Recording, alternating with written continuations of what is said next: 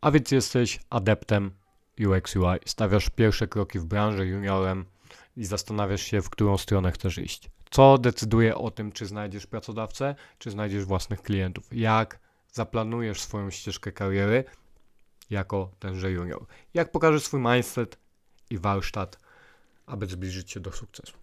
Portfolio. Tak, ale musisz wiedzieć też, że case study jako studium przypadku jest tym odbiciem Twojego warsztatu projektowego. Ja mam dla Ciebie 16 rzeczy, o których będziesz musiał pamiętać, e, musiała pamiętać, tworząc e, tego rodzaju dokument. Więc jak? Raczej nie za pomocą pięknych interfejsów. Szkoleniowcy, wykładowcy, masterzy, e, mentorzy UX UI, absolutnie wszystkie tęgie głowy prowadzące kursy, webinary, studia, e, konferencje powtarzają zgodnym chórem twórz portfolio, miej portfolio. Jednak e, często ty e, słysząc portfolio masz przed oczami mnogość obrazków, mozaikę ładnych interfejsów użytkownika, piękne zaokrąglenia, piękne kształty, piękne grafiki, które pozwalają jedynie zobaczyć, czy umiesz rysować ładne ekrany. I choć te ładne ekrany pomagają sprzedawać, ty musisz wiedzieć, że interfejs użytkownika znajduje się na samym końcu procesu projektowego. Są wynikiem, są kropką nad i wisienką na torcie, czy tam truskawką na torcie. Nie widać w nich całego magla to, towarzyszącemu temu e, tego sita decyzyjnego badań, narzędzi pozwalających określić strategię funkcjonalności, czyli to, czym de facto dany produkt jest, ma być, jakie ma spełniać cele, jak się monetyzować, co w końcu w ujęciu zwinnym, agile'owym znajduje się w MVP, Minimal Valuable Product. Ładny ekran to nie wszystko, kropka. Dlatego też prezentowanie portfolio tylko jako zbioru interfejsów użytkownika mija się z celem. Jeżeli uczestniczyłeś w dobrym kursie, czytałeś odpowiednie książki, słuchałeś odpowiednich ludzi, to na pewno wiesz, że prawdziwym wyzwaniem dla młodego projektanta jest przygotowanie swojego własnego case study, swojego własnego studium przypadku. I o tym, mój szanowny słuchaczu, będzie ten odcinek dzisiejszy. Dowiesz się, jak przygotować się do case study, jakie istotne informacje przekazywać, jak opowiedzieć i przygotować tę historię. Historię Twojego produktu, historię Twojego warsztatu.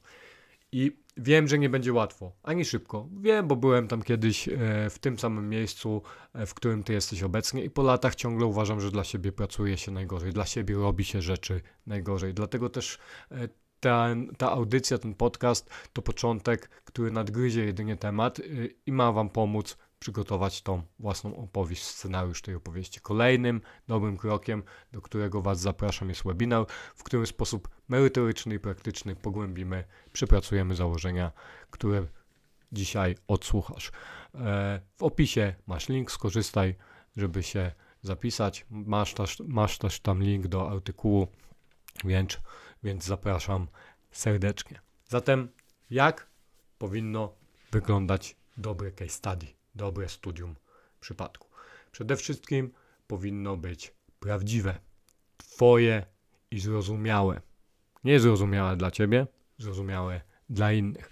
Opowieść, którą będziesz chciał zaprezentować innym, musi być prawdziwa, co znaczy, że możesz ją poprzeć dowodami, musisz ją poprzeć dowodami. Musi to być także Twoja historia unikalna i autorska. Musi być także zrozumiała dla tych, którzy nie mieli do tej pory styku z Twoim produktem, nie znają Cię, e, nie znają kontekstu Twojej pracy, narzędzi, które wykorzystałeś, problemów, z jakimi się zmierzyłeś, rozwiązań, które odrzuciłeś i tak dalej. Tutaj cały na biało wchodzi storytelling. Polecam pozycję e, Pawła Tkaczyka. Storytelling to jest umiejętność e, interesującego opowiedzenia o swojej pracy. I tutaj zanotuj sobie, bardzo ważna jest struktura tej opowieści, czyli kontekst, wyzwanie, któremu musiałeś sprostać, rozwiązania, które zastosowałeś i w końcu wynik Twojej pracy. Pamiętaj, że Twoja opowieść musi być o tyle porywająco, porywająca, co uporządkowana i zrozumiała. W końcu odbiorcą jest rekruter, w końcu odbiorcą jest ktoś, kto musi, kto musi się nią zainteresować, doświadczyć tego, czego doświadcza użytkownik.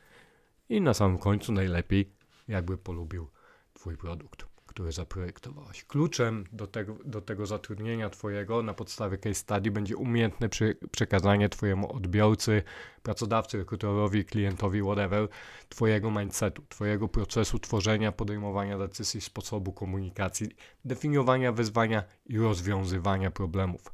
Tego, jaki de facto prezentujesz warsztat, bo ten proces projektowy właściwie to jest ta Twoja historia, to jest ten storytelling, który się tutaj pojawia. Twoje case study powinno być oparte o Twój proces projektowy lub o proces projektowy zespołu, w którym pracowałeś, funkcjonowałeś podczas wytwarzania produktu cyfrowego. I każda dobra historia ma wstęp, rozwinięcie i zakończenie. Więc opowiadając o tym procesie, zacznij od początku. Natreś tło, tło, kontekst narracji, mów o wyzwaniach projektowych, o postawionych hipotezach, wykorzystaj narzędzia i ideę biznesową. Zanim jednak opowiesz o badaniach jakościowych, ilościowych, warto wspomnieć o tym, co było przed badaniami, o poznaniu kontekstu, o desk researchu. Jeżeli przeprowadziłeś badania jakościowe, napisz o tym, jaka była grupa fokusowa, jak ją wyłoniłeś, co z tego wynikło i jakie wyciągnąłeś wnioski po tychże badaniach. Podsumuj proces badawczy, nadaj mu kontekst. W tym miejscu możesz także opowiedzieć o tych smaczkach two, y, tworzenia i ciekawostkach, jakie natrafiłeś, rzeczach, które cię zaskoczyły lub zainspirowały, które zmieniły Twoje postrzeganie, postrzeganie przez Ciebie idei biznesowej slash produktu. Dodaj cytaty, to bardzo fajnie działa zawsze, wzmianki, wycinki, coś, co pokaże, że zgłębiłeś ten proces, że chciałeś zrozumieć, co projektujesz i dla kogo. To jest znakomity haczyk na łapanie interakcji i rozpoczęcie ciekawej rozmowy na własnych warunkach z Twoim odbiorcą, rekruterem, potencjalnym pracodawcą, potencjalnym klientem. Bardzo ważne. Nie bój się błędów, nie bój się o nich opowiadać. Proces projektowy to jest roller coaster wzlotów i, upa- i upadków. Jak na prawdziwej kolejce górskiej mogą być momenty zachwytu, ekscytacji, rzeczy, w które trafiłeś, a także mdłości i przerażenia. Dosyć to plastyczne.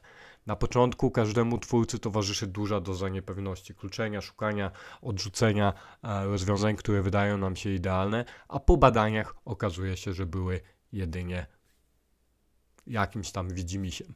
To normalne etapy procesu twórczego, nie bój się ich. Nie bez powodu proces projektowy jest iteracyjny, podzielony na kro kroki milowe.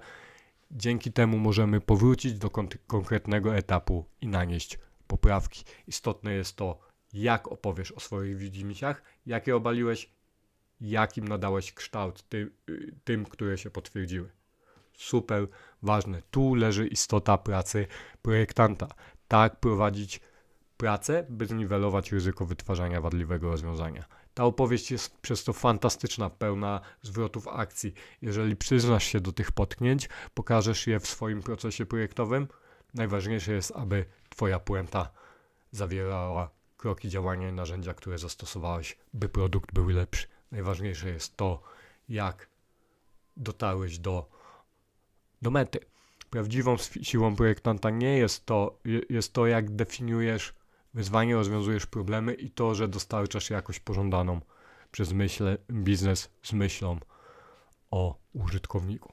Kolejnym istotnym elementem jest, są narzędzia, te warsztatowe, te projektowe. Odkryj te narzędzia. Większość produktów cyfrowych jest obecnie wytwarzana w metodologiach zwinnych, Największym wyzwaniem w procesie projektowym jest droga, którą twórcy muszą przejść, zaczynając od określenia idei biznesowej przez koncepcję na produkt, aż do samego projektu produktu o minimalnej pożądanej funkcjonalności, czyli tym MVP. Kończąc, celem procesu projektowego jest odpowiedź na te pytania, które funkcjonalności są wartościowe dla użytkowników i jak łatwo będzie je wdrożyć, czy tam czy łatwo będzie je wdrożyć. Zdecydowanie warto opowiedzieć o tej podróży projektowej, o narzędziach, jakich podczas niej używałeś. Niezależnie od tego, czy to była propozycja wartości, Customer Journey Map, Red Roads, kolejne iteracje badań, czy pierwsze Wireflow wizualizujące proces, a być może korzystałeś z jakichś metod design thinking do generowania pomysłów, bezwzględnie w Twoim case study warto przedstawić ten toolbox i pokazać drogę, którą pokonałeś. Zwróć szczególną uwagę na argumentację, dlaczego funkcjonalność X znalazła się w MVP kosztem funkcjonalności Y, zaplanowanej jako rozwój produktu. To, jak i dlaczego dzieją się rzeczy, jest super istotne. I teraz ważne, nie ma sensu wklejać gotowych kanwasów ani screenów z Miro. Rekruterowi będzie trudno przechodzić przez pojedyncze narzędzia zapełnione dziesiątkami karteczek, wniosków i skrótów myślowych. Pamiętaj, że masz u swojego odbiorcy ograniczony kredyt zaufania i czas, dlatego musisz skutecznie zarządzać tą jego uwagą. Spisz te wnioski, opisz krótko wybrane narzędzie, daj im kontekst i przekaż dostęp do dokumentacji, do materiałów źródłowych. Przedstaw wnioski, przedstaw argumentację, kluczowe elementy, te smaczki, które są najistotniejsze. Powiedz, co Cię zaskoczyło, co okazało się problematyczne, jak wybrnąłeś, plus link do dokumentacji. Tylko tyle. Serio. Jeżeli pracowałeś zespołowo, opowiedz o tym.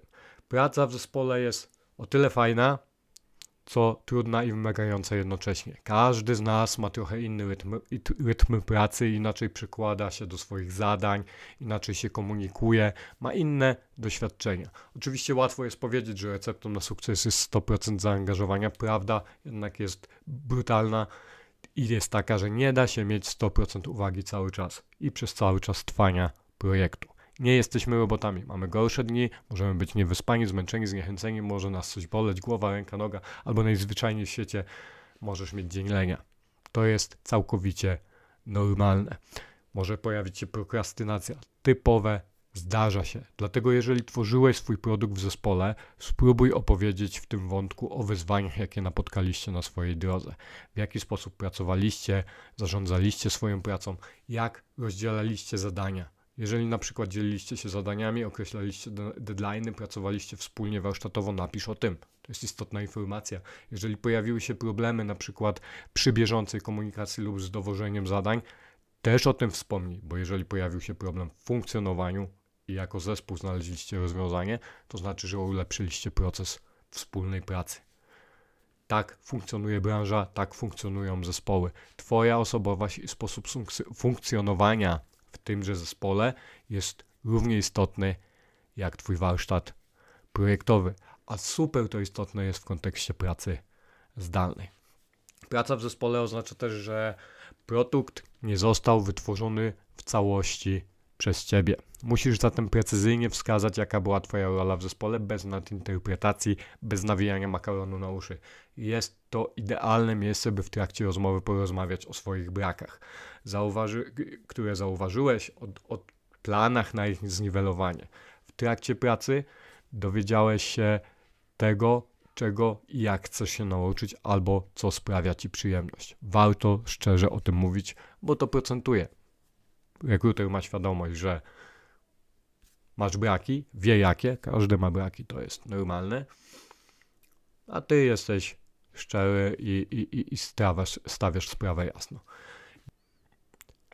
Before, after, Met, jako metoda pokazywania przed i po. Proste.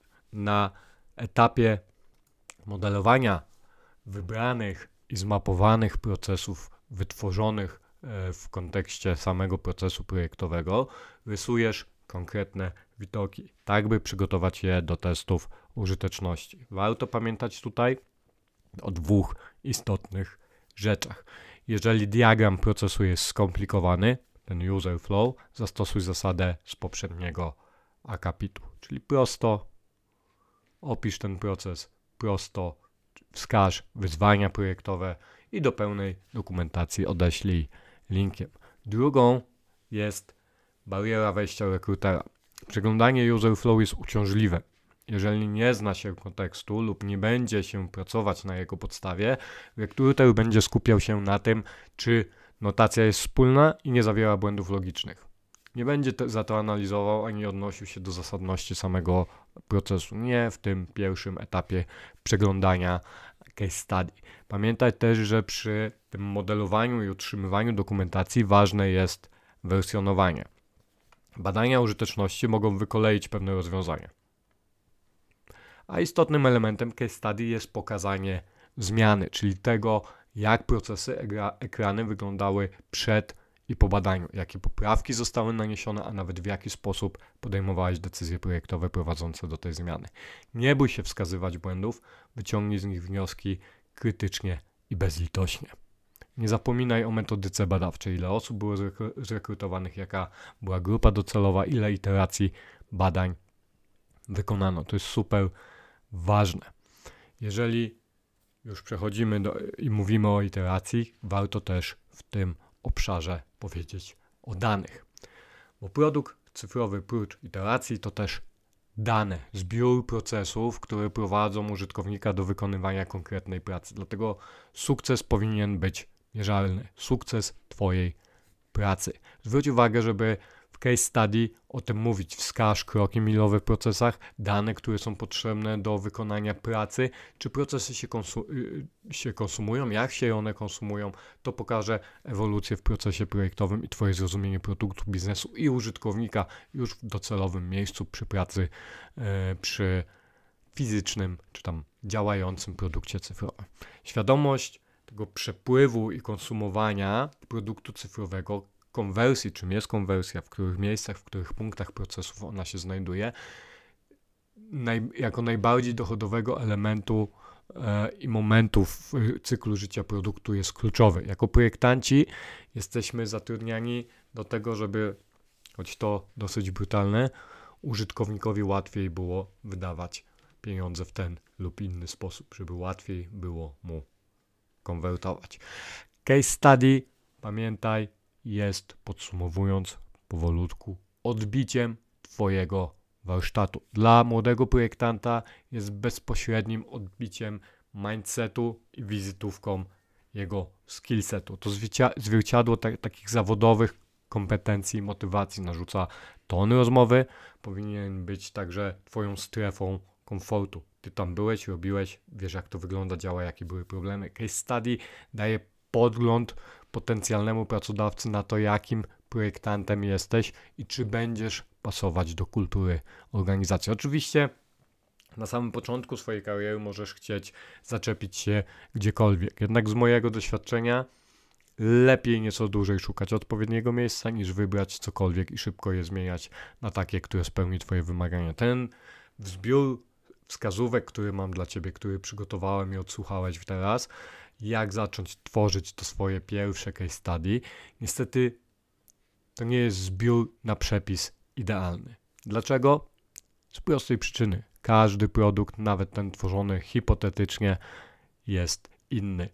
A decyzje projektowe i efekty pracy diametralnie różne, bo historia, którą opowiadasz, to nie tylko historia samego produktu, ale opowieść o Twojej pracy nad nim i dlatego też to jest takie trudne.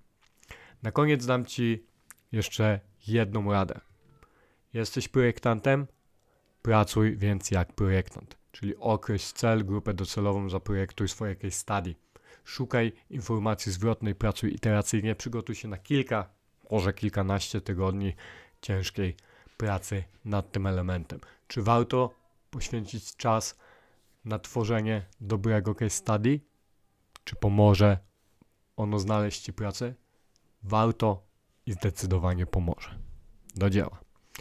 Na samym końcu przedstawię Ci taką swoistą checklistę podsumowującą i obiecaną w tytule mm, tego podcastu, która powinna Ci pomóc w przygotowaniu opowieści o projektowanym przez Ciebie produkt, produkcie. Jeżeli chcesz y, się dowiedzieć więcej, między innymi o, o tym, jak pracować warsztatowo, jak przygotować się do budowania tej historii, jakie elementy są w Twojej opowieści kluczowe, zapisz się na webinar. Checklista dobrego case study startuje teraz. Po pierwsze, napisz konspekt, plan dla case study, oprzyj się o proces projektowy.